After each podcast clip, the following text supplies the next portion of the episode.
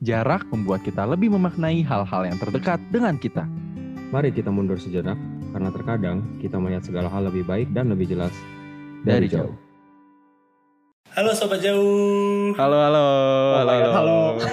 Wah, Rexi, Gila, gila. Rexi kayak suara orang fanboying banget nih. Lumayan. Jadi sebenarnya di episode kali ini tuh sebenarnya udah ditunggu-tunggu dari season sebelumnya. Kita tuh punya dua season, Koedo. Aduh, udah Koedo disebut aja.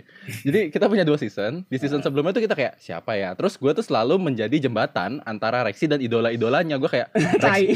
kita, kita undang ini gimana ya? Terus dia kayak, wah, gue demen banget nih sama dia. Oke lah, undang, undang, undang. Ternyata dia ngefans. Terus gue mikir lagi, ini kan anak kartu banget ya. Pas dia balik ke Indo dari Jepang, gue liat kartu semua nih di meja itu kan main kartunya set set set set, set ke nasional, pokoknya ke event-event cardistry juga. Terus gue kayak, set keren. Gue dari yang cuman fotoin kartu, ini anak kartu kardis banget gitu.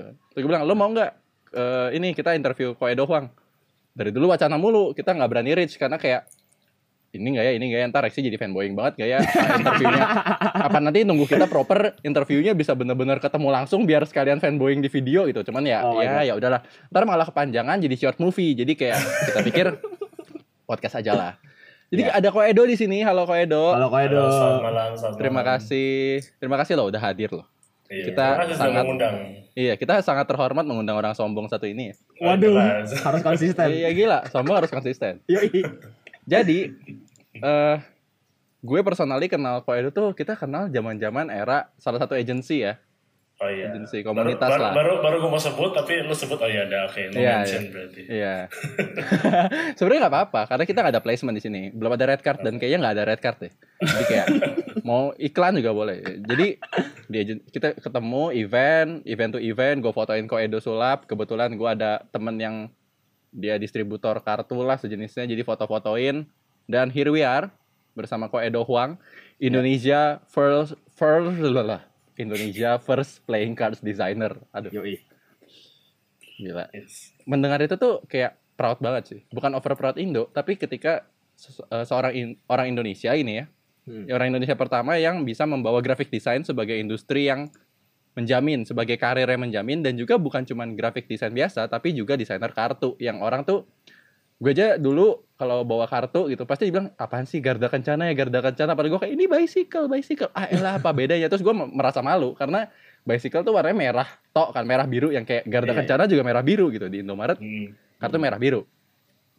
Terus gue kayak ya udah gue nunggu sampai gue punya kartu yang warnanya nggak merah biru. Ada monarch kan yang hitam. Oh, iya. terus gue kayak Iya, iya benar. setiap orang nanya lagi Nggak ini kartu apa nih? Kartu sulap ya? Ini kartu apa nih? Kartu remi kartu buat main capsa. Gue bilang eh lu nonton Ayo Simi nggak? Ini kartunya. Wah. Nah, mereka langsung kayak Yes, oh, betul. my god oh my god kartunya ada ya ada industrinya ya. Gitu. Kalau Monarchs tuh conversation starternya tuh selalu gitu ya. Lu tinggal bilang ayo sini mereka kayak oh iya yang itu ya gitu. iya karena kalau gue bawa yang kartu kartu Star Wars kayak iya apa nih ini merchandise ya nggak sekalian kartu Blackpink.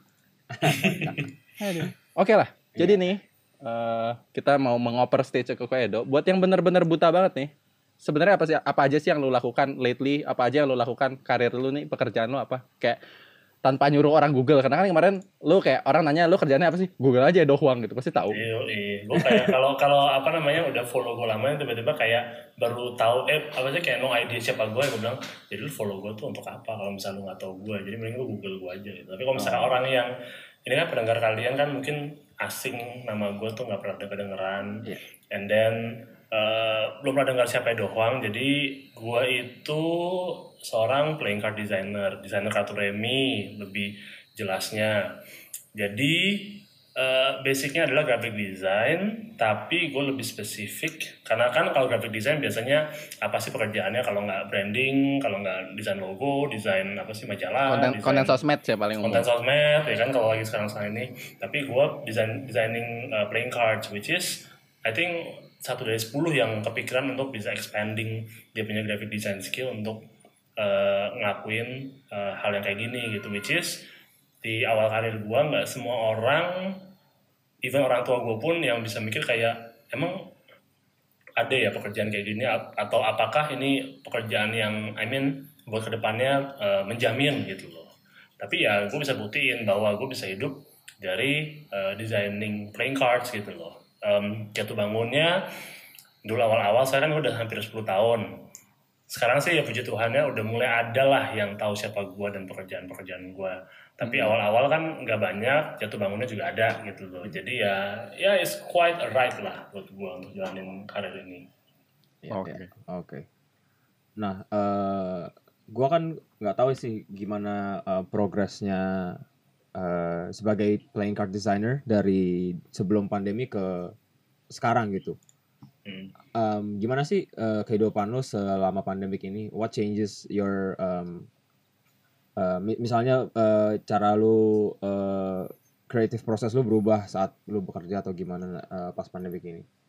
Oke, karena Boleh emang basicnya, karena emang gue basicnya kerja di rumah, jadi di saat semua orang berkuar-kuar, oh my god kita harus kerja di rumah, I'm totally fine, because karena dari zaman gue, zaman belum ada namanya work from home, gue udah work from home dari 2015, 16, jadi I'm totally fine working from home, itu pertama. Kedua, eh, mungkin awal-awal pandemi, which is like what, Maret, Februari, Maret, sampai pertengahan lah ya adjusting lah. I mean beberapa klien ada yang nggak jadi tapi nggak banyak sih. Satu dua lah. Ada yang cancel. Terus kayak mungkin karena ditambah dengan situasi yang waktu itu kan kayak mencekam nggak bisa ke mana-mana nggak bisa keluar-keluar kalau kena corona eh, bisa kenapa-napa. Terus kayak em, istri gue juga yang biasa jadi kantor jadi di rumah terus Eh, terus ditambah dengan ya isu ini itu segala macam ya mungkin jadi bikin sedikit parno lah. Tapi I mean it doesn't really affect my creative process. Eh, puji Tuhannya adalah pertengahan ke akhir semakin banyak eh, request. Dan apa ya dan gue juga disibukkan oleh eh, company gue sendiri Svengali. Dan ya so far so good sih. Selama- selama pa- pandemi gue bisa bilang nggak berlebih tapi berkecukupan lah. Dari dari segi dari segi em, apa namanya ideas dari segi pekerjaan dari segi income semuanya ya cukup lah. Oke. Ini sebelum Oke, Yoel uh, move on ke pertanyaan selanjutnya, ini gue ada pertanyaan sisipan satu nih. Hmm. Uh, soal soal designing playing cards in um, in particular lah. Hmm. Kan uh, Svegali total udah berapa nih? Lim- Lima ya, lima kartu ya. Svengali total udah lima but Ah. we plan to release another three more this year harusnya Oh, this year three more. Wah itu um, maksud gue kan kalau misal in, in designing a playing card, you need a lot of um, apa ya extra extra mile lah. Anggapan kayak misalnya um, you, di, uh, personally karena gue belum pernah punya ya Svengali ya. Kehabisan waduh, dulu. waduh nggak bisa. Kita berdua nggak pernah punya. Ntar kalau Edo live nih tengah-tengah. Mohon maaf nih tapi dapetnya susah banget. Iya, um, lu do you put like gaff cards in your in your decks? Eh, kalau emang lagi ada kayak temanya emang lagi lagi pas Heeh. gue masukin kayak extra special cards Oke. di kartu. Tapi nggak semuanya. I want to uh, apa ya to produce a deck yang orang bisa kayak kasar orang awam bisa pas ngelihat itu kartu Svengali dia buka yang another two extra cardnya itu kayak oh kartu cuman kartu lebihan atau oh kartu uh, add cards. Nggak Iya. nggak something nggak trick trick cards yang kayak wah ini bisa gua apa ini Uh, wah ini uh, gue tahu nih kayak gitu gitu gue juga nggak mau terlalu banyak spoiled secret di sana. Ah, that's why gue kayak uh, buat yang punya Svengali biasanya gue kayak taruh kayak small details yang kayak misalkan di kingnya di apanya yang mungkin hanya pesulap doang yang ngerti. Tapi yang buat orang awam kayak oh ini just another ornament di Ah, di desainnya. Nah, eh, itu kan misalnya eh, eh, you wanna put like two more extra cards atau misalnya lu design eh, special add cards for your deck itu kan maksudnya kayak butuh kreatif kreativitas lebih ya. Ad- um, biasanya lu narik inspirasi untuk ngedesain um, kartu-kartu spesial, kartu-kartu lebih gitu. Atau misalnya um, eh, kotak deck lu gitu-gitu tuh dari mana sih kok? Kalau boleh tahu. creative process dari masing-masing kartu sih beda-beda. I mean kalau kita ngomongin Svengali kayak ya, soalnya sebelum kita rilis brandnya Svengali, gua sama uh, partner gue si Alex sempet meeting di Singapura dan di Singapura pun basically kita udah udah mikirin desain sampai nomor tiga. Jadi Hmm. kita pada baru rilis kartu nomor satu, kita udah mikirin uh, tiga kartu ke depannya seperti apa dan ide macam-macam ada yang waktu gua masih Alex lagi hangout di Marina Bay Sands lagi minum tiba-tiba dia ngeliat ada satu poster yang bagus dia foto dikirim ke gua dok coba ini disimpan buat eh, our next release uh, desainnya seperti ini mirip-mirip. And then tiba-tiba dia kayak aduh gue lebih suka ini coba lu lu coba uh, apa namanya uh, desainin yang uh, style kayak gini. Atau enggak kalau misalnya gue lagi free banget gue bisa kayak designing like 10 to 20 back design and then gue kirim ke dia. And then biasanya dia kayak ya seminggu dua minggu lah. Kasarnya tuh kayak dia diamin dulu sampai ada satu buah desain yang nyangkut habis itu kayak ini kayak oke nih ini kayak ini kayak Ah, enggak nih. Habis itu ya udah nih yang ini proses yang ini eh, simpen dulu aja mungkin bulan depan tahun depan gua suka lagi atau enggak eh, yang penting di keep dulu aja. Habis itu udah sisanya kayak random ideas saja tapi Right. untuk yang for the, for for this year uh, release yang tiga deck sebenarnya plannya lima lima deck tapi karena uh, pandemi pabrik tutup terus warehouse ada problem jadi kayak delaynya banyak. Sebenarnya itu yang lima deck berikutnya ini cukup challenging soalnya gue berpikir uh, reverse. Dalam artian biasa gue mikir biasa gue ngedesain satu deck uh, apa namanya satu deck satu deck satu deck. Sekarang gue harus mikir kasarnya ka- karena gue keseringan nonton film Marvel ya jadi kayak Oke. gue harus mikirin ujungnya dulu baru gue kayak eh, apa sih kayak mundur ke belakang. Jadi kayak kasarnya eh, kartu yang nomor 7 gue teaser di kartu nomor 6 kartu nomor 8 gue teaser di kartu nomor 7 kartu nomor 9 gue teaser di kartu nomor eh, 8 kayak gitu-gitu loh. itu gue lagi itu gue lagi lagi lagi apa namanya? Lagi gue coba. Which is di tiga rilis yang gue akan rilis tahun ini itu eh, konsep itu yang gue, gue ambil. Eh, Oke, oke. cukup challenging tapi gue suka dengan dengan dengan dengan challenge yang kayak gitu. Jadi nggak cuman kayak oh ya udah kartu baru kartu baru tapi ada kayak cerita ada konsep di baliknya gitu Hmm. Right, right, right, right. Oke oke. Jadi card decks-nya itu doesn't stand individually gitu loh. Semua ada nyambung-nyambung satu sama lain Yes, kan. yes. yes That's uh, itu ini banget sih kayak ya balik lagi berarti itu it challenges you as a creative um, way more than it should be kan. Hmm. Heeh, gitu. Oke. Gila gila gila. Ini fanboying moment banget ya. Gue kayak percaya ini nggak ada di guide ya. Jadi ini tidak ada di list pertanyaan or even dipersiapkan ya. Gue kayak wow. Maaf, gua Oke. gua gua sepenasaran itu sih soalnya sih. Gak apa-apa soalnya gini soalnya em, ya gue gue pasti percaya banyak orang-orang kayak pengen tahu kayak buat orang-orang kreatif sih gue lebih, lebih mikir I speak this uh, this topic bukan karena orang dengar kayak gue nggak ngerti tentang kartu jadi gue nggak usah dengerin tapi gue lebih mikir kayak eh, orang yang ngejalanin dunia kreatif graphic design atau whatever ini kayak this is for you gitu loh jadi kayak kalian bisa translate ke bahasa kalian masing-masing ya kalian copywriting kalian em, video uh, sinematografi graphic design ya kalian bisa translate ke bahasa kalian masing-masing gitu loh Right. Oke, betul. Hmm, hmm, hmm. Setuju sekali. Jadi kemarin ini pas kita prepare, biasanya itu kita nggak nggak kita doesn't usually really prepare our interviews, Hmm. but gue feel challenge gitu. Kita kita berdua feel challenge kayak ini biasanya interview Edo tuh siapa sih? We hear other podcast as well yang kayak misalnya yang ter- sama 30 days, Hmm. terus sama di TV misalnya. Hmm. Terus ya interview lu di TEDx yang shaky banget itu misalnya. Oh my Iya, Oh yang my God, kacau that itu. one. And every every other lah. Maksudnya gue kadang-kadang tetap tetap ini Koedo ngomong apa sih, ngomong apa sih itu. Ini si orang sombong ngomong apa sih gitu. Cuman pas gue mikir lagi, Rex, what's so special about us? Kenapa kita bisa interview Koedo dan kita uh, interview from what perspective gitu. Terus gue nyadar, kita kan uh, kebetulan kita bertiga creative workers gitu Hmm. gue designer, photographer, Rexy juga photographer, videographer, and mungkin sometimes design juga, and dia juga antusias kartu. Dan gue melihat jarang eh, di interviews yang nggak spesifik event kartu, misalnya kayak oh event kardis ya, pasti orang nanya lu soal kartu gitu kan. Hmm. Tapi nanyanya nggak nggak soal kayak motivational speak or apa, tapi ya kita ngobrol apa adanya as we are creative individuals aja gitu loh, pekerja kreatif kan. Nah, ngomong-ngomong soal kerja kreatif, lo kan udah bilang juga lately eh, bukan lately ya, udah enam tahun gitu lo terbiasa dengan remote working ya. Lo kerja dari mana aja, lo bisa kerja dari rumah, lo bisa lo mempunyai this freedom gitu. Di mana most of the designers sekarang yang dapat WFH akhirnya mendapatkan itu. Kayak freedom yang tadi, aduh gue kerja di kantor mulu nggak bisa freelance nih, atau gue kerja di kantor mulu nggak bisa, gue buntu gitu di kantor doang, gue harus kerja yang penuh dengan kebebasan gitu, gue demen kebebasan. Nih dikasih sama pandemi kan, corona ngasih nih freedom, boom, orang remote working semua, tapi kan banyak musuh tuh, males lah, lu art block lah, lu kayak tiba-tiba kayak some kind of brain fart yang kayak boom hilang. Kayak tadi lu bahas soal inspirasi segala macam kayak apa sih gimana cara lu ngelawan rasa malas lo sendiri selain motivasi karena duit ya tentunya?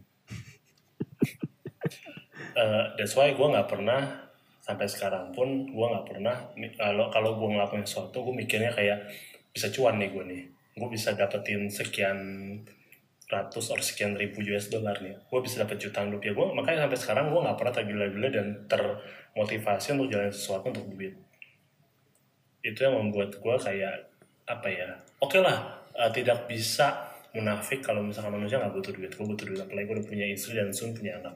Em, semua orang butuh duit tapi kalau semua tentang duit duit dan duit itu nggak akan cukup semuanya. Itu buat gue jadi gue selalu berpikir karena gue sudah memilih jalur sebagai playing card designer gue punya tanggung jawab untuk bisa dan apalagi first playing card designer di Indonesia gue mempunyai kayak somehow kayak em, apa ya bukan beban sih tapi kayak gue mau membuktikan bahwa mungkin orang ke, dep- eh, ke depan nanti orang akan mikir kayak ah gue mau jadi kayak Edo aja playing card designer. Eh, kalau yang mikirnya kayak duit ada duitnya oh Edo bisa tuh hidup dari sana. I think I might want to try to become a playing card designer um, gue juga punya kayak rasa kayak apa sih yang yang belum gue explore gitu loh. apa sih yang yang belum pernah gue lakukan selama 10 tahun terakhir. Tapi kan pasti ada aja limit-limit yang kayak ya itulah kayak ada inspirasi atau apa. Gue selalu em, ini di saat gue eh, kayak udah burn out di saat gue udah kayak mumet banget udah nggak ada ide sama sekali gue bener-bener stop. Gue nggak nggak akan paksain kayak ah coba desain apa. It might not work it might it might work sometimes but uh, most of the time kayaknya gue jarang banget bisa dapetin sesuatu kalau lagi mumet banget. That's why gue punya kayak mungkin hobi kedua atau mungkin gue bisa uh, try something new or something weird. Kayak lately kan gue tiba-tiba gue bisa pottery I mean iya, iya. um, apalagi ya gue oh ya gue kadang suka foto-fotoin kartu kayak atau buat video sulap kayak atau mungkin apalagi ya. Doodle lately ya juga kan? doodle kayak atau enggak nyiremin tanaman oh kayak iya lu main pohon juga main sekarang ya? pohon kan abis Iya, itu nyiremin tanaman kayak something yang bener-bener kayak eh, apa gue jaga jarak sama eh, menjauh dikit dari dari desain. Hmm. abis itu once gue balik I feel fresh dan gue feel bisa oke gue bisa gue bisa desain apa nih atau apa. Kalau enggak ya apa ya paling ya gue beres-beresin desain-desain yang misalnya let's say udah tinggal finishing finishing itu yang kayak bener-bener kayak buat yang gak usah pakai mikir lah soalnya Eh, buat gue itu. Dan di saat gue let's say membuat sibuk hidup gue dengan pottery dengan nyiramin tanaman lah ngurusin tanaman gue lah eh, sometimes ada ide-ide baru yang muncul. Hmm, hmm. itu itu it, it happens Iya, to iya, me iya. like like few times. Dan ya udah itu itu cara gue untuk untuk apa ya untuk bisa tetap kasarnya tetap ada apinya lah tetap tetap nggak nggak nggak mentok gitu loh. Ya. Tapi ya balik lagi kasarnya gini gue juga percaya ambience kita berpengaruh kepada eh, behavior kita. Meaning gue orangnya OCD gue orangnya bersihan gue orangnya resik.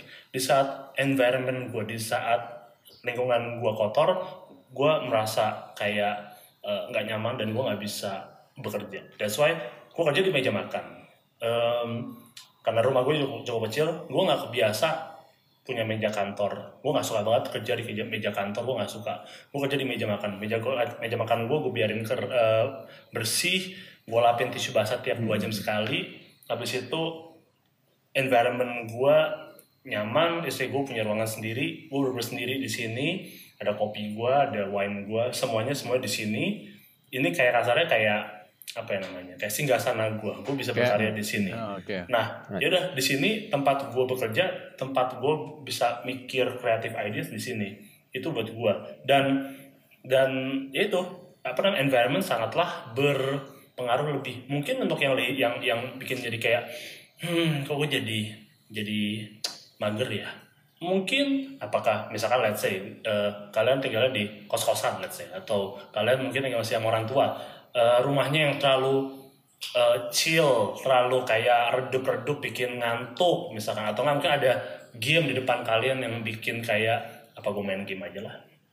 Atau gue ngapain aja lah. Mungkin itu yang yang menghambat untuk kayak bisa produktif. Kalau gue selalu gitu. Gue selalu mikir kayak gimana caranya membuat lu bisa lebih produktif dan buatlah sekeliling lu itu se apa ya sebaik mungkin jadi bisa membuat lu dan otak lu dan badan lu bisa lebih kayak oke nih gue nyaman banget nih kerja di sini Like sets gitu the mood for work gitu ya berarti ya Pak? yes Oke, understood.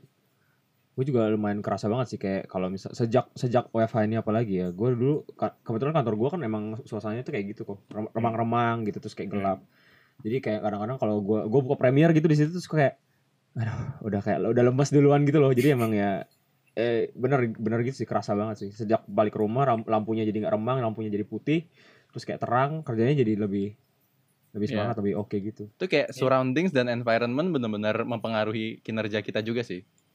Iya iya. Setuju, setuju, setuju. That's why kan apa namanya ada orang banyak orang yang bilang wah selama WFH di rumah selama pandemi pandemi di rumah eh, rumah gue jadi kelihatan lebih rapi nih terus kayak misalkan ada rezeki dikit upgrade eh, apa kek AC kek atau rumah direnov kek atau apa. Ya soalnya apa? Soalnya rumah adalah kantormu. Iya, dan iya. dan lu harus I mean ya kalau rumah lu ya kecuali emang ada orang yang bisa kerja dalam kondisi messy. Ada yang bilang katanya creative people work eh, apa namanya eh, work areanya itu yang kayak berantakan. Ya well some Yeah. people can work with that but I cannot. Jadi ya ya kalau gue lebih mikirnya kayak ya gue buat rumah gue secozy mungkin. Rumah cozy bikin gue lebih happy inspirasi datang nyaman jadinya sebenarnya Iya, benar, benar, benar. Betul sekali. Wah, gila. Itu sungguh ini ya, tips yang dibutuhkan oleh para desainer mostly ya. Para orang-orang yang haus akan inspirasi. Kalau gue, sejujurnya, sejujur-jujurnya, gue ingin menunjukkan tapi agak malu ya. Jadi gue tuh ada di sebelah sini ya. Mungkin Rexy tahu ada spot apa. Tahu lah gue lah. spot apa diputar Kalau gue kasih lihat deh, gue kasih lihat deh. Gue gue nyalain webcam, gue kasih lihat ya. Ini buat ini buat pendengar-pendengar mungkin nggak tahu ya, tapi ntar kita akan ceritakan. Tara, ada ini, ada ini ya. Jadi ini motivasi ya. Itu motivasi yang harus eh gua penuhi gitu. Gua harus ngasih makan hobi gua. hobi Iya iya iya iya, betul. Gua bekerja setiap gue lihat, oke, Rose saya mengingat Anda ya. Anda rilis album, Anda ada cover majalah gitu kayak Anda harus iya. dikasih makan. Enggak lah, enggak enggak enggak seboros itu, cuman maksudnya ada ada kalanya gue menjadikan itu motivasi juga tapi ada yang lain juga misalnya entah tiba-tiba gue ngambil gitar lah tiba-tiba di belakang gue foto lah atau ngapain ya bener juga sih membuat senyaman mungkin bisa stay di sini di rumah gitu kan iya Hmm. bagus dong punya hobi I mean membuat lo somehow kayak lebih umum bekerja lebih keras biar Betul. biar untuk apa membayar hobi-hobiku yang mahal. Itu juga iya sih. Termasuk Dulu salah satunya pohon gitu kan. Pohon pottery kan butuh cuan juga. Ah lumayan. Iya lumayan ya pohon. Aduh. Pohon harus Dulu- dikasih makan loh nggak dikasih makan dulu beneran mati. dulu motivasi gue beli kartu kok. nah iya ada juga ya betul juga. I mean ada Iya, orang iya. juga yang motivasinya beli kartu. I mean kan gue juga jualin beberapa koleksi gue di Tokped gue banyak orang-orang juga yang kayak padahal beberapa minggu lalu gue sempat bahas tentang minimalism. Gue semenjak nikah and then semenjak punya rumah gue mau rumah gue jadi super minimalis. Barang-barang yang gue nggak butuhin gue suka gue jual nggak gue donate ke orang. Ada orang yang kayak oh iya kok kayak aku harus mulai minimalis. Deh eh few days later belanja kartu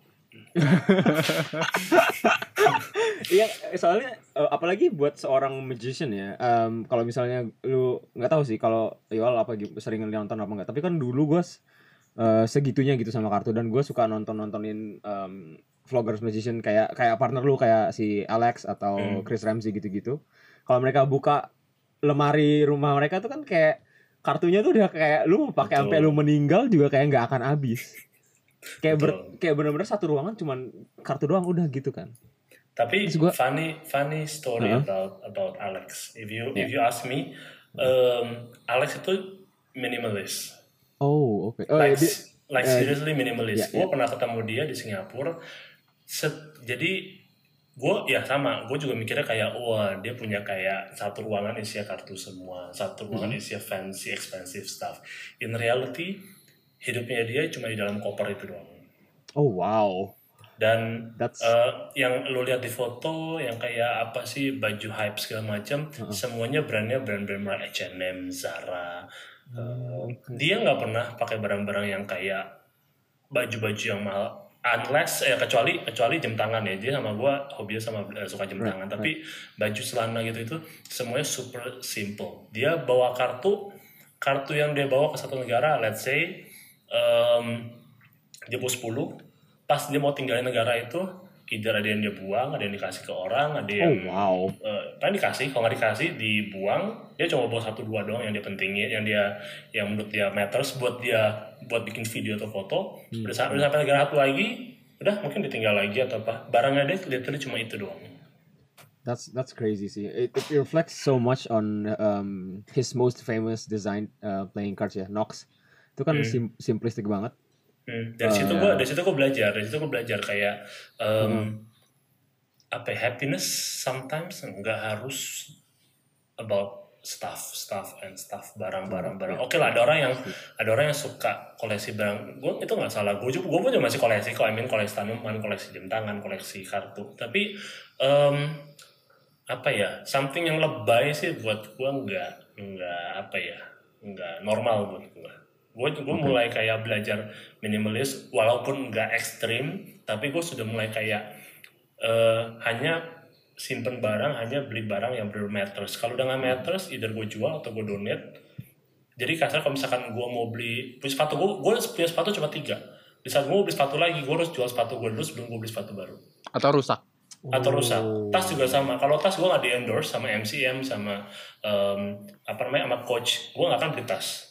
Gue bener-bener eh, beli tas kalau emang gue butuh aja. Kalau nggak gue nggak akan beli. Hmm, hmm, hmm. Gue selalu gitu. Gue belajar dari dari dan dan apa ya mini, eh, simple life minimalist eh, life ini nggak cuma sama si Alex doang. Gue sempat ketemu kalau Rex tahu itu Michael Stern Oh iya iya iya, tahu. Tahu. Turn, dia juga dia juga hidupnya cuman dari koper doang. Oh. Jadi uh, Oke. it's a funny story di saat uh, si Stern temen gue itu Michael Stern ke ke Indonesia. uh, kita adain kayak uh, fan meeting di di dekat rumah gue di Serpong. Semua orang semua kuliah tuh. lagi kuliah ya. nggak nggak bisa datang gue di luar semua semua orang semua orang nanyain "Eh, mobil eh, me- mobil mewah lu yang di trailer ini mana Eh, helikopter yang di trailer ini lu si- lu taruh di mana enggak itu bukan punya gue itu punya teman gue semua lalu tinggal di mana gue tinggal di dia cuman tinggal di satu kayak kos kosan cubicle doang kecil banget yang berbeda cuman kecilnya luar biasa Wah gila, legend. Stern sih legend banget sih. dan barang-barangnya semua cuma dari koper Gila. Wow, so oke. itu membukakan mata gue kayak teman-teman gue ini bener-bener kayak bukan terlihatnya seperti kayak wow mewah, but in reality orangnya humble, orangnya simple, orangnya nggak nggak banyak kasarnya nggak banyak bertingkah lah kasarnya. Tapi karyanya semua orang happy, semua orang suka. Hmm, hmm, hmm. Eh, kalau nggak salah nih correct me if I'm wrong Niko kan eh, your your first ever trick tuh yang itu ya yang lu ceritain di YouTube bukan sih yang eh, find the four aces Hmm. Elevator Iya. trick. Iya yang eh, yang elevation ya, eh, ele- elevated trick ya, Hmm. yang dia naik ke atas semuanya itu kan. Dulu gue denger nih, gue gue ya maksudnya dari dulu sih kayak gue kan dulu juga sempat sempat belajar sulap lah, maksudnya awal-awal kayak aduh pengen nih bisa keren jadi pesulap dan kayak kalau bisa ya menghasilkan duit dari situ gitu. Tapi ya stigmanya di Indonesia adalah ya kalau misalnya lu pegang em, kartu nih, eh, kartu remi ya kalau nggak judi ya lu abang-abang ronda gitu ya kan Hmm. sama dan di Indonesia ini juga em, stigmanya satu lagi adalah kayak lu di eh, lu kalau menjadi pesulap tuh kayak nggak ada duitnya gitu. Ya paling em, syukur-syukur lu bisa jadi kayak em, The Master ya dulu ya acara TV-nya yang sangat terkenal itu kan. Atau lu cari duit di mana sih? Paling di eh, parties atau atau gimana gitu. Hmm. apakah it- apakah itu stigma yang bikin lu melenceng eh, jadi desainer aja desainer playing card aja? Kayak em, em, biarkanlah gue jual-jual trik ini jadi side my side hustle bukan hustle utama gue. Oke, um, it's funny saat lu top bawa, bawa topik ini soalnya gue pengen banget share ini tapi nggak Heeh. nggak semua orang dare untuk untuk bahas ini karena karena ini cukup sensitif sebenarnya. Jadi Hmm. untuk kayak uh, trik itu basically seperti ini. Basically kalau misalkan chef biasanya dia akan eh, bongkar resep di YouTube. Yes. Oke, di sulap gue nggak akan bisa belak-belakan share trik secara detail di YouTube soalnya um, it's all about magic is all about the secret, right? Yes. Tapi ya, tapi ya even partner gue pun si Alex dan beberapa magician ada juga yang nge-spoilin trik. Ya itu buat gue, uh, gue bisa lihat dari sisi gini. Eh, mungkin mereka pertama eh, apa ya juga share mungkin trik-trik yang menurut mereka itu belum terlalu expert banget mungkin ya gue nggak tahu kadang-kadang kan eh, level expert dan beginnernya tiap orang beda-beda atau kedua mereka butuh duit dari YouTube itu which is nggak bisa disalahkan juga. Kalau misalkan emang hidupnya mereka serba eh, mewah ya mereka butuh duit untuk bisa memfundingkan lifestyle mereka which is nggak salah juga. Eh, buat gue kalau gue berpikir dan ini so far sih gue berkomitmen untuk kayak oke gue tetap akan share trik sulap di YouTube tapi trik-trik sulap yang eh, cukup simple cukup basic dan trik-trik itu adalah trik-trik yang em, awal mula gue belajar sulap gue belajar trik itu dan gue jatuh cinta sama sulap dan gue jadi mendalami sulap itu lebih jauh. Itu yang itu yang premise yang gue ada di otak gue di saat gue share tutorial sulap di YouTube gue itu itu buat gue itu yang gue yang gue selalu janjikan ke diri gue sendiri. Em, tapi ke depannya gue nggak tahu ya karena ya we never know ke depannya seperti apa. Em, dan next topiknya adalah kenapa gue lebih milih fokus ke desain kartu apalah daripada ke perform magic. Gue tetap perform magic beberapa kali. I mean sebelum pandemi gue udah beberapa show. Tapi pas lagi pandemi ada satu show yang hampir gue perform tapi di minggu itu pandemik uh, hits mel- lagi meledak di di Jakarta. Tiba-tiba di minggu itu juga gue harus uh, harus uh, show-nya harus di cancel um, gue tetap perform tapi nggak banyak soalnya apa? Soalnya pertama seni sulap di Indonesia masih belum dihargai seperti di luar sana.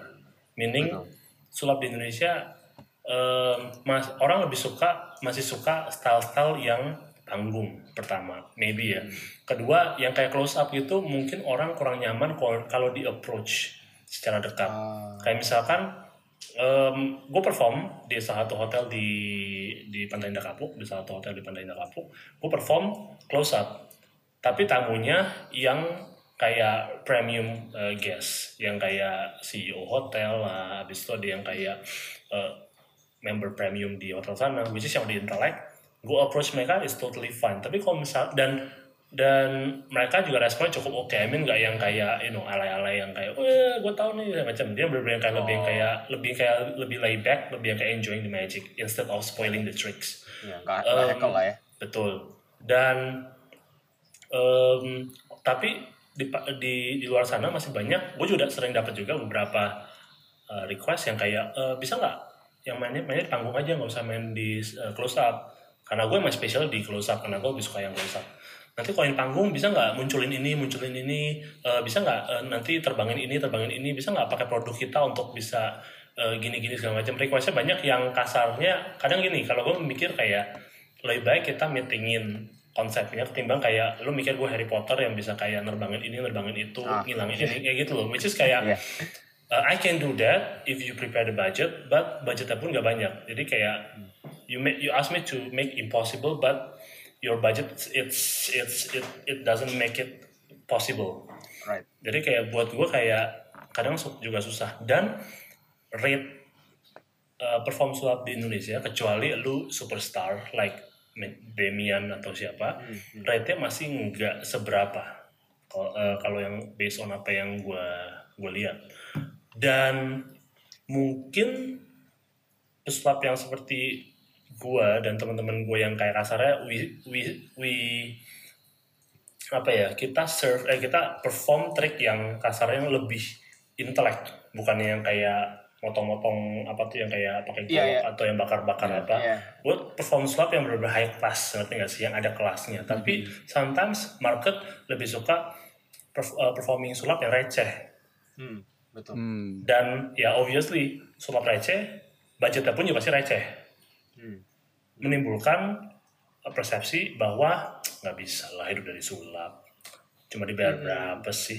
That's why Mhm. uh, no offense yang dari acara itu yang dari acara TV itu coba hitung berapa banyak yang masih jadi pesulap Iya. Actually ya.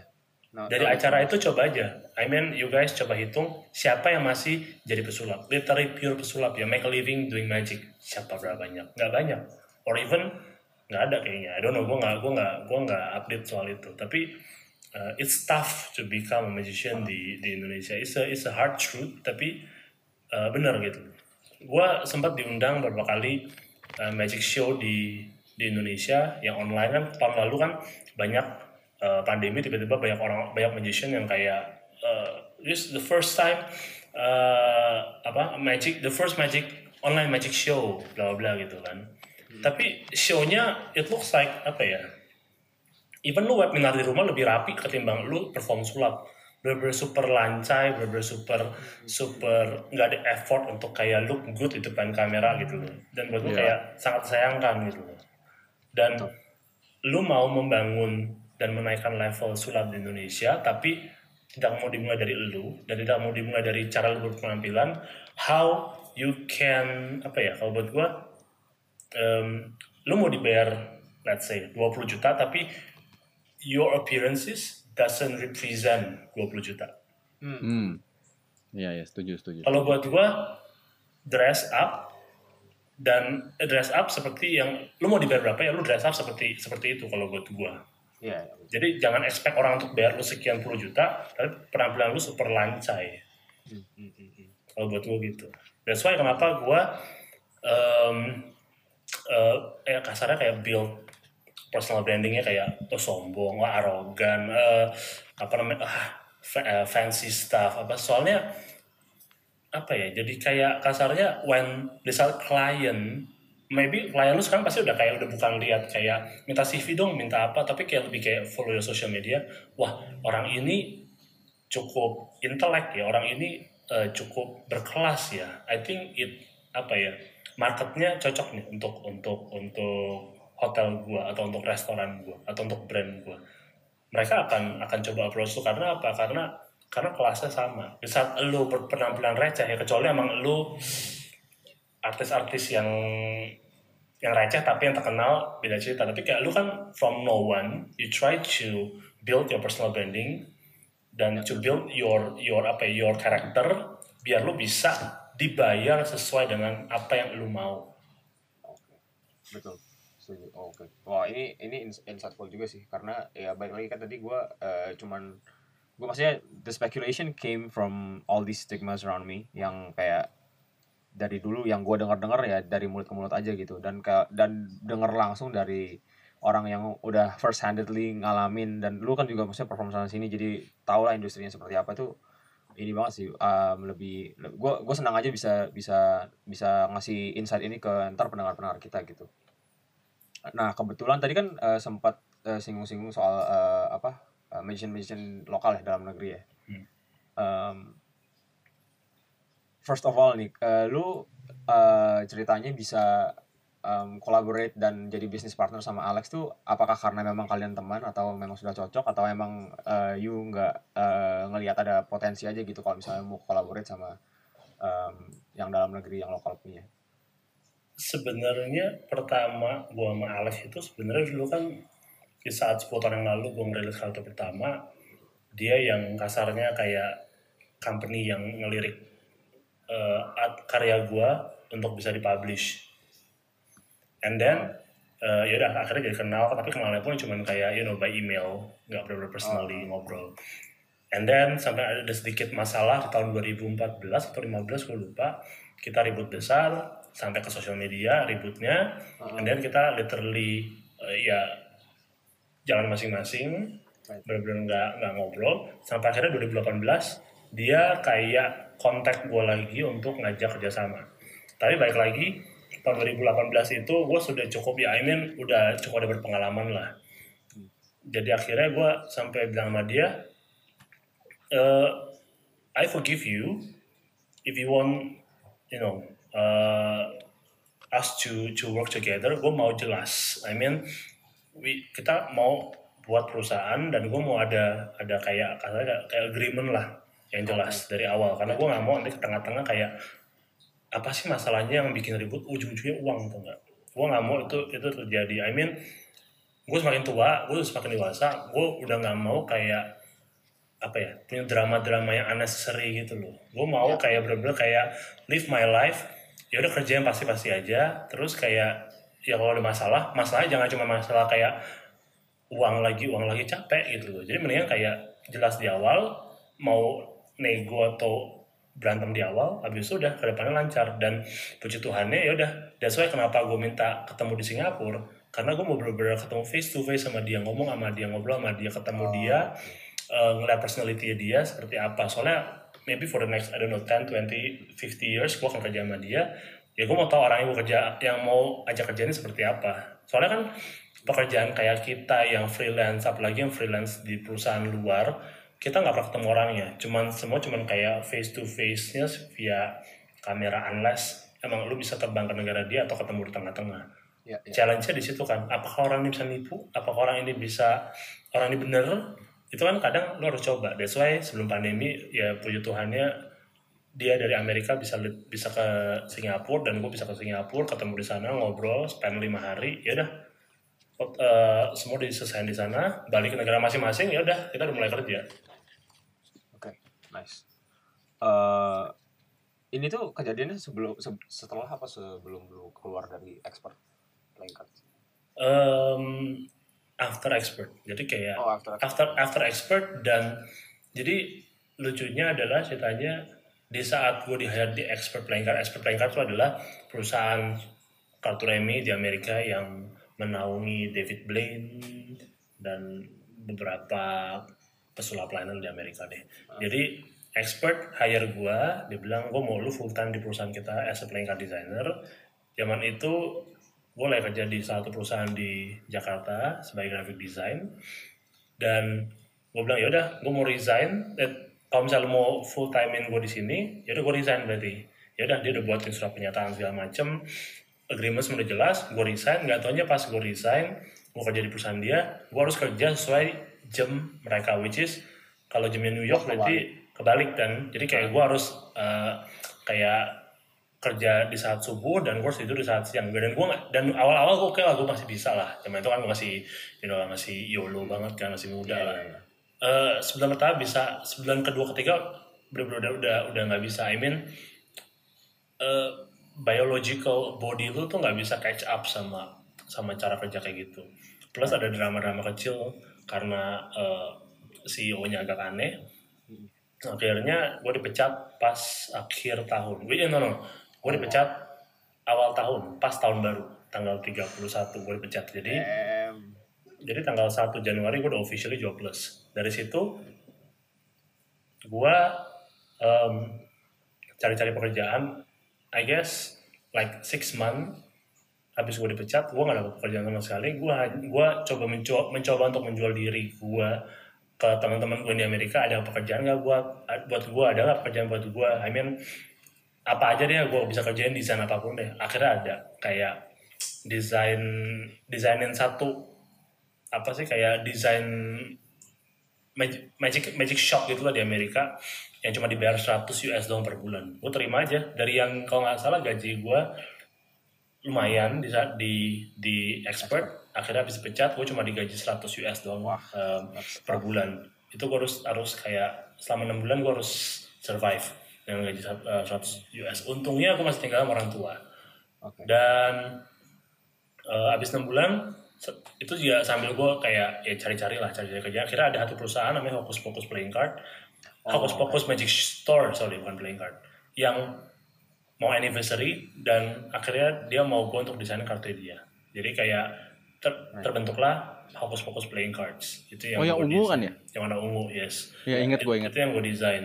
And then yaudah itu gue dapat income lah. Income dan gue bilang sama mereka bisa nggak lu split in uh, uh, paymentnya menjadi empat kali? Jadi kasarnya gue empat bulan ke depan gue dapat duit lah kasarnya. Dan duitnya pun lumayan. Kalau di rupiah sekitar kayak UMR lah. Jadi kayak kasarnya empat eh, empat bulan ke depan gue dapat kayak gaji UMR lah at least ketimbang 100 US per bulan kan.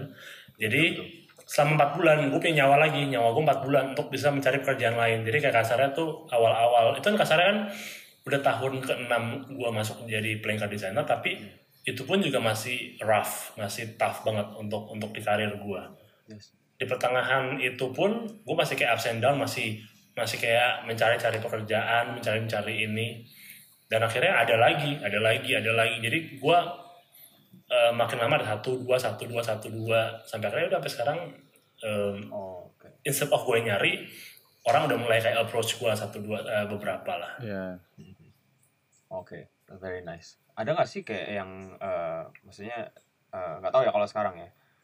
Apakah ada dulu eh, the specific em, persona atau eh, magician lah di Indonesia yang ingin lu ajak kolaborasi? Mungkin you wanna you wanna make decks for them atau misalnya kayak Alex lu mau kerjain eh, deck bareng gitu. Ada nggak di kalau di Indo? di Indonesia? Heeh. di Indonesia sebenarnya sama Demian udah ngobrolin dari tahun 2000 berapa? 18 atau 17 tapi mungkin dia sibuk gue sibuk gue gak sibuk sih gue ngajak waktu. Eh, Demiannya mungkin sibuk jadinya kayak cuman wacana doang tapi Ah. ya baik lagi em gue di saat jadi gue orang gini gue di saat diajak kerja sama diajak collab gue nggak nggak nggak mikirin kayak oke yuk collab.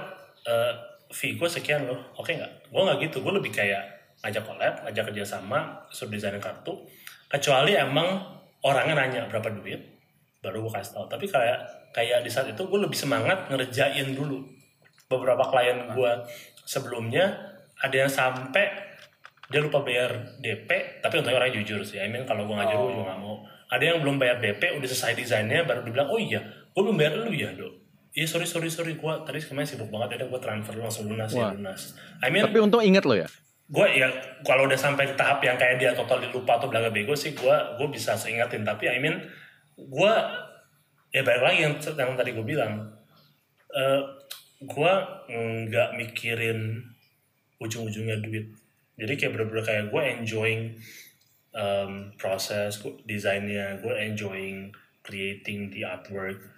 Buat gue duit itu kalau misalkan gue selalu percaya mungkin Tuhan masih masih apa ya masih sayang sama gue lah. Tuhan masih masih kayak percaya sama gue di saat gue percaya kalau misalkan we I produce a good uh, product money will come Right. dan client will come more client more client will come more opportunity will come if I produce good uh, products kalau gue sama mikirnya gitu Ya, ya. dan Oke. eh, dan in the same time gue juga em, apa ya namanya kayak berbagi juga ke orang. Kayak I give back something. Dan nanti orang orang itu akan blessing kita balik. Itu yang selalu gue percaya sih. Tapi ya gue nggak selalu kayak ah gue kasih sesuatu ah biar biar gue dapat sesuatu. Enggak gue selalu kayak kasarnya kayak ya udah gue dapat blessing ya udah gue gue balikin blessing gue ke orang lain. Kalau gue mikirnya gitu. Hmm. Kayak pay it forward gitu lah. iya. Nice. Okay. Uh, also, um, your brand is very known internationally. Ya mungkin apa emang kar- karena market kartu juga besarnya uh, di luar kan ya. Hmm. Ad- um, ada nggak lu rencana kayak mau bring um, your brand locally atau ntar misalnya kayak kayak terakhir tuh kan uh, kalau nggak salah lu sempat sponsorin kita juga ya National Card District Day bener nggak sih? hmm. Uh, ya mungkin kayak bikin acara kayak gitu gitu mungkin atau um, go local. kalau gue lokal sih gue lebih gue sebenarnya punya target Eh, target gue adalah dan punya mimpi sih mimpi gue adalah gue harus gue at least harus punya klien lokal satu di Indonesia. Karena sama 10 tahun karir gue nggak punya eh, klien sama sekali di Indonesia. Mostly klien gue di luar semua. Karena pas orang Indonesia denger eh, rate desain gue tiba-tiba ngilang. Tapi ya tapi ya gue bukan mau sombong amin. Tapi kayak bener-bener kayak selama 10 tahun itu rate gue nggak naik sama sekali. Literally flat segitu terus. Nggak naik 10% nggak naik 15 literally flat. Flat aja orang udah orang orang udah udah nolak apalagi gue naikin. Dan gue cuma bilang sama istri gue sama teman-teman dekat gue kayak I wish eh, orang Indo atau brand Indo ada yang ada yang mau melirik gue untuk mendesain uh, produknya mereka which is a playing card. If they they want to produce like a playing card part of their products or their uh, marketing tools gua harap gue bisa mendesain itu. Soalnya kayak di luar kan playing cards part of marketing uh, apa sih? Merchandise kan. Kayak misalkan kayak promotional stuff lah. Di Indonesia kan kartu remi masih dianggap kayak terlalu eh, tabu kan. Dan Indonesia kan kayak masih kayak marketing marketing produknya tuh yang kayak tote bag lah yang kayak eh, buku lah yang kayak barang-barang yang tumbler lah. Tapi kayak Iya. kok kartu remi nggak pernah ada ya gitu loh. I mean it's a fun thing for you to you know hang out with friends play with cards gitu. Loh nggak harus ujung-ujungnya gambling gitu loh. Bener. ya gue berharap itu sih. Tapi ya ya semoga ada ya nggak tahu sih gue sih selalu berharap semoga ada aja satu dua orang yang bisa menghargai eh, apa namanya seni gua which is playing card design dan sulap dan ya hopefully ada ada klien sih eh, locally di Indonesia Wah, amin, amin. Gue juga Iya, pengen iya, banget tuh amin, lihat kayak amin, amin. em, kerjaan lu kok kayak dibawa ke eh, local scene gitu.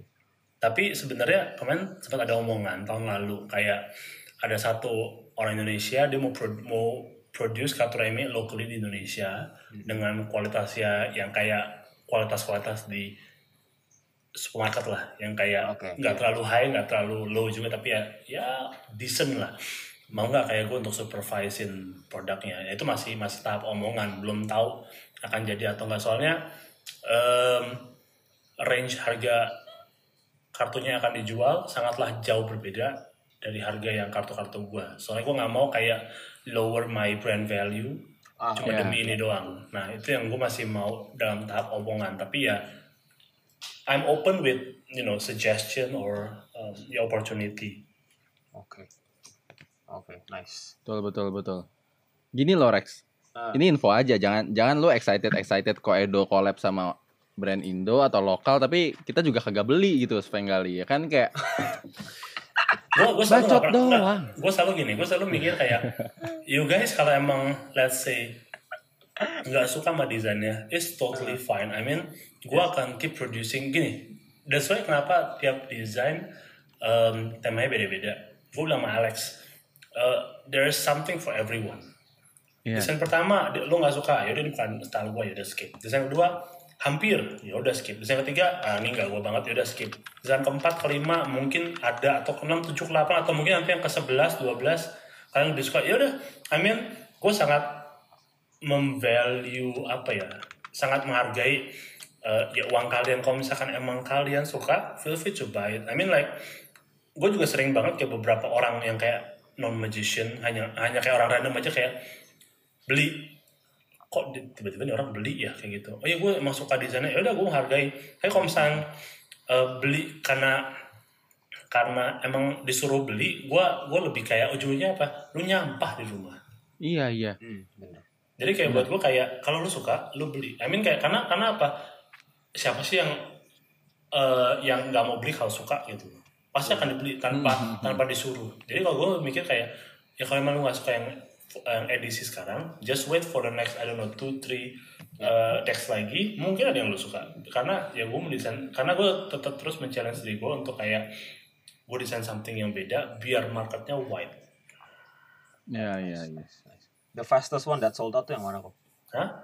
The fastest one that sold out from yang Svengali zero zero itu yang less than 5 minutes ya kalau nggak salah Wait, zero zero itu yang ini yang uh, the black one, the logo prototype is it? Iya logo prototype itu kayak less, Less- than 5 minutes less than five minutes? kayak less than. 5 minutes ya nggak salah pokoknya gue lagi di atas habis mandi terus kayak biasa habis mandi sebelumnya gue nyetrika baju dulu kan si Ah. Alex kayak ngerilis nggak ngomong-ngomong tiba-tiba udah di-upload ke website ya. Tiba-tiba pas gue habis setel- setelah nyetrika baju eh, mau tidur IG kok kayak rame. Pas gue buka kayak oh habis Wow. rebutan. Oh ya udah. Gue malah pertama kali tahu Svengali yang ini, yang ular. kayak yang ular. I mean Iya, zero tuh ya? zero one zero one. Eh, itu oh zero one ya. banyak orang yang suka basically. Ya gue gue setelah beli sampai 5 pun masih banyak yang nge-tag gue kayak your number one is the uh, is still the best. Ya ya you see I mean like there is something for everyone. Ada orang yang suka Iya, 001 ada orang yang orang yang suka yang kayak nomor 03 tuh kayak gue banget. Ya udah I mean like you guys happy? Ya gue juga happy. I mean ada yang ada yang menghargai gitu kalau gue. Hmm, Itu juga cepet tuh abisnya yang pertama tuh gue pengen sikat kayak ya udah Iya. udah udah gone. iya Oke. gitu. Jadi ini sebenarnya nggak kerasa Udah hampir sejam kita ngobrol tuh. Wow, damn. Maaf loh. Ini kita nih kayak akumulasi dari podcast-podcast dan acara TV ya. Emang biasanya emang biasanya podcast lu orang berapa lama biasanya? Dulu tuh kita oh, jadi kita tuh eh, agak fluktuatif ya. Kita pernah eh 40-an menit pernah. Hmm. Less than 30 minutes pernah. Hmm. Salah satu top episode kita itu 15 menit Hmm. with one of Miss Indonesia gitulah. Hmm. Kita kayak kita sempat nggak percaya karena kita kira episodenya error atau kenapa, entah dari Spotify-nya kepotong atau gimana. Dan pas kita dengar lagi bener 15 minutes. Itu Tapi ada kal- juga kalian yang enjoy gak sih? Nah. 15 menit itu. Somehow that 15 minutes kita nggak kerasa karena sampai Iya sampai detik sampai bulan berapa tahun lalu kita tuh gue yang ngecek Rex ini beneran kita rekam cuma 15 menit kita merasa topiknya heavy banget cukup berat cukup Hmm. Dan orang yang nge-share banyak yang oh iya bagus bagus. Gue makin ngira kayak ya udahlah orang ngira itu bagus karena bi- bias mungkin sama narasumbernya gitu kan. Jadi mereka share. Makanya bisa jadi top view top listen episode gitu. Hmm. gue kayak oh oke lah well. Ini bahkan kita aja kalau di zoom ini udah mau dua kali kena pak. Saking panjangnya episode ini. Dan menurut gue ini insightful banget. Ya. dan to wrap this thing up ya Hmm. dari semua yang kayak tadi soal jadi desainer lah soal the industry itself gimana lu what motivates you basically not money Hmm. that comes first into your Hmm. mind tapi memang ya tadi selain lo paying it forward lo juga memang lo passionate about this industry lo juga demen ngerjainnya dan lo lo find joy gitu in doing this Hmm. terus lo sempat kemarin itu bilang kalau kalau lu di free time tuh lu doodle lah gambar-gambar. Kalau lo bored eh, when you get bored you draw. Lo pernah ngomong kayak gitu kan Hmm. kemarin recently. Nah buat desainer-desainer muda seperti gue misalnya itu ngebantu sih tipsnya. Yang kayak tadi kalau misalnya art block eh entah oke nyari coba coba ngejaga jarak dulu dari desain gitu dari laptop. Coba entah main pohon lah mungkin yang pelihara cupang bisa main cupang lah. Entah kayak Rexy gini tangannya gerak-gerakin kartu lah di depan idolnya kan? Ya. Namanya fidgeting pak. bisa lah gitu. Fidgetingnya pakai kartu gitu kan sengaja banget padahal bisa gitu yang lain ya. Cuman pasti ada nih desainer-desainer kan harus punya side hustle juga dong. Di waktu senggang tuh harus adalah nggak nggak melulu kerjaan harus ada side hustle yang passion project juga. Yep. Dari lo sendiri nih lo suka ar- archive nggak sih hal-hal yang lo kerjain di waktu senggang lo gitu ya misalnya drawings atau apa terus pernah nggak sih drawings lo ini yang sebenarnya dari hasil karya iseng-iseng Hmm. eh ternyata jadi ada yang mau aja gitu entah jadi rezeki lah entah jadi ada yang mau beli atau apa gitu gue bukan tipe yang kayak oh jadi nih ah jual ah gue bukan tipe yang kayak gitu karena gue selalu Hmm. kayak anggap nganggap apa yang gue kerjain itu is like a process. Jadi kayak proses untuk menuju ke finish lainnya Em, dari yang kayak yang lu bilang tadi yang kayak ap- apa sih eh, yang gue kerjain dan gue kumpulin jadi sesuatu mungkin kayak gue ada buat kayak tutorial magic di salah satu platform namanya Gumroad. Itu jadi kayak for for the past 10 years kan gue di Instagram post like magic videos regularly and then ada beberapa trik sulap yang kayak original atau sometimes yang inspired by old tricks. Dari situ gue rekam ulang gue buat tutorialnya and then gue kayak buatin kayak subscription em, apa namanya kayak platform di di Gumroad itu dan itu gue jual. Ada aja yang beli ada aja yang enjoy. Tapi itu kayak gue ngelakuin itu setelah kayak like what eh five six year gue ngepost sulap. Jadi kayak di saat gue nge- membuat sesuatu yang gue udah cukup confidence untuk bisa gue eh, apa namanya eh, komersilkan gue pasti akan komersilin. Tapi kalau misalkan gue belum belum apa belum confident sama aja kayak pottery. Gue kemarin buat gelas lah buat pot lah buat apalah piring lah. Ada yang bilang kayak jual aja dong cuannya banyak. Mungkin mungkin akan gue jual. Tapi eh, sampai tik sekarang kalau ditanya gue akan jual nggak? Mungkin belum. Karena apa? Karena di luar sana masih banyak orang-orang yang lebih jago dari gue gue nggak mau kayak aji mumpung. Aji mumpung itu gue nggak mau nggak mau jadikan itu sebagai kayak kayak mayan earning money ini dari ini. Buat gue kayak ah dapat berapa sih? Paling kayak seratus ribu dua ribu. I mean kayak gue lebih baik belajar lagi deh belajar lebih lagi biar biar mungkin di saat udah udah udah lebih jago gue bisa kayak maybe charge more Hmm. dan brandnya lebih kuat dan orang lebih lebih tahu gitu loh nggak kayak anak kayak le- bukan gue nggak mau kayak orang lebih mi- mikir kayak ini mana kemarin sore ini mah baru baru bisa bulan lalu bulan ini udah bisa jualan nah gue nggak mau gue mau Ya. baru-baru kayak nikmatin prosesnya di saat gue udah confidence baru bisa gue komersilin kalau enggak well gue biarin netizen enjoy aja apa yang gue buat Nice. Oke oke oke. Thank you loh, Pop. Yoi. Sangat sangat sangat insightful. Iya. Semoga berguna buat yang bukan pesulap pun juga berguna. Soalnya eh, podcast kayak gini kadang ah pasti ngomongin sulap ya. Udah skip. Ah. Uh, Nah, Iya. Itu Kita yang- nggak mau itu sih ngomongin sulap sih. Karena kita nggak ada video, audio doang, jadi nggak bisa bener nggak ngerti gimana kalau sulap betul. Dan dan gue pun juga kasarnya gue nggak mau kayak karena ini sulap itu kan segmented banget. Gue nggak mau kayak Iya. orang asing tiba-tiba dengan gue kayak gue nggak ngerti ngomong apa. Snacks gue nggak mau tuh orang-orang itu mendengarkan podcast seperti kayak oh yang ngomongin sulap. Gue nggak ngerti gue nggak ngerti sulap. Gue nggak mau gue mau lebih orang lebih dengar kayak dia bisa mentranslate apa yang gue omongin. Dan karena kita ngomongnya cukup lumayan general lah so far. Jadi bisa di-apply. Tetap spesifik tapi ya bisa dimengerti lah sama orang awam. Bisa di-apply ke pekerjaan mereka masing-masing. Itu yang itu yang selalu gue pengen pengen sampein sih. True true. Ya, ya, Oke, ini uh, last nih te- sebagai penutup uh, sebagai the face of Indonesian playing card community yang udah go international nih. Apakah yang adakah yang ingin lu sam- ingin sampaikan ke generasi-generasi muda uh, nggak cuman play- uh, orang yang pengen jadi playing card designer ya, tapi mungkin dari designer in general ya. Tips-tips atau mungkin at- atau um, ya sepatah dua kata kata lah. Set the set the standard selalu, selalu set the standard lu mau jadi lu mau jadi kayak apa pas udah set the standard lu lu nggak bisa nggak bisa go lower your standard. Karena standard lu itu lu udah set segitu yang lu harus lakukan adalah set tiap tahun harus lebih naik lebih naik lebih naik lebih naik. In terms of um, kerjaan lu standarnya harus kayak apa penampilan lu standar harus kayak apa em, seberapa lu mau dibayar standarnya seperti apa. Jangan jangan mau dihargai bukan dalam hal materi aja ya dihargai cheap jangan mau di di apa ya dianggap rendah. Karena karena once lu dianggap cheap se- orang jadi melihatnya kayak oh ya kerjaan itu mah itu mah murah dia bisa dibayar murah. Gitu. Iya. selalu selalu apa ya bikinlah apa yang lu kerjain naik kelas. Kalau misalkan gue kan sulap-sulap di Indonesia terlalu banyak sulap-sulap alay-alay yang gitu-gitu gue sebagai orang yang bisa ya more or less make an impact gue bisa set the standard gue bisa bikin apa yang gue kerjain naik kelas jadi gue bisa ngeliat gue bisa membuat orang-orang ngeliat, ngeliat kayak oh this is how magic should looks like or maybe this is how photography should looks like or this is how social media content creator should looks like kayak gitu-gitu loh kalau gue Ya. selalu mikirnya Nice. Oke oke oke. Mantap sekali. Gila. Oke lah. Ini episodenya insightful sekali ya, sangat padat ya. Semoga yang Iya. dengerin juga dapat.